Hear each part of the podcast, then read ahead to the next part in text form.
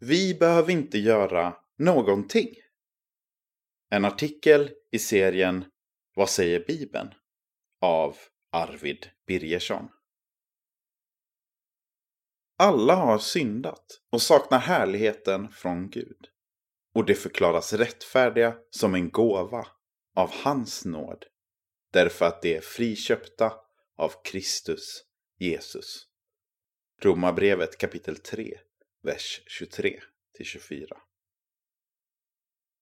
Alla har vi syndat. Ingen kommer undan. Vi har förlorat närheten med Gud och förtjänar att dö. Se Romarbrevet kapitel 6, vers 23a. Gud valde därför att bli människa i Jesus och köpa oss fria från döden genom att själv dö.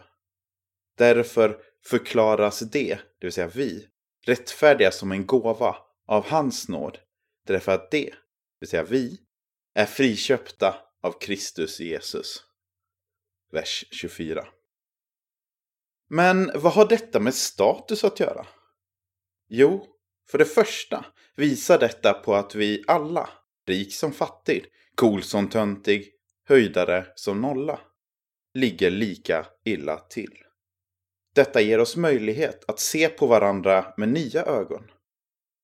Om vi alla är lika usla så finns det ju inget skäl till att jämföra sig och försöka jaga efter status. Det är som om att vi alla är i en djup grop fylld med hal och geggig gyttja. Vi kan försöka klättra upp en bit, men vi kommer inte långt på egen hand, utan kastas snart ner igen och blir ännu skitigare. För det andra, vad kan vi då berömma oss av? Beröm är uteslutet. Vi hävdar nämligen att människan förklaras rättfärdig genom tro utan laggärningar. Romarbrevet kapitel 3, vers 27-28. Varken jag, du eller någon annan kan göra det minsta för att vi ska bli frälsta. Det är bara Guds verk. Vi kan alltså sluta försöka jaga status i leran och istället bli upplyft av Jesus och få en ny status. Vi behöver inte göra någonting. Var och en som inte tackar nej till Guds kallelse blir upplyft. Med andra ord kan vi inte heller med denna nya status se ner på någon annan. För vi har inte gjort ett dugg för att få den. Men vad innebär då denna nya status? Jo, vi blir Guds barn. Se Galaterbrevet kapitel 3, vers 26. Och är vi barn så är vi också arvingar. Guds arvingar och Kristi medarvingar. Romarbrevet kapitel 8, vers 17a. Som gudasöner och gudadöttrar får vi ett arv från Gud som vi delar med Jesus. Arvet innebär att vi slipper döden och blir rättfärdiga. Blir rena från all lera och får evigt liv. Se Titusbrevet kapitel 3, vers 7. Det innebär också att vi kommer att återfå den ursprungliga närheten mellan oss och Gud.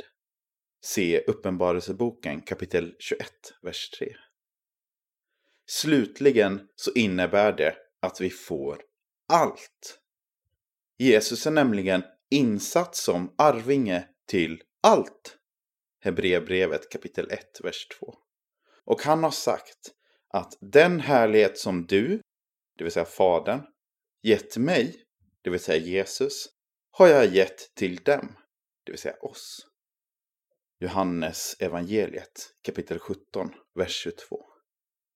När vi nu, helt utan förtjänst, går från att ha noll status till att bli gudasöner och gudadöttrar, finns det då någon mening med att jaga fjuttiga statuspoäng här i livet och fortsätta rulla runt i gyttjan?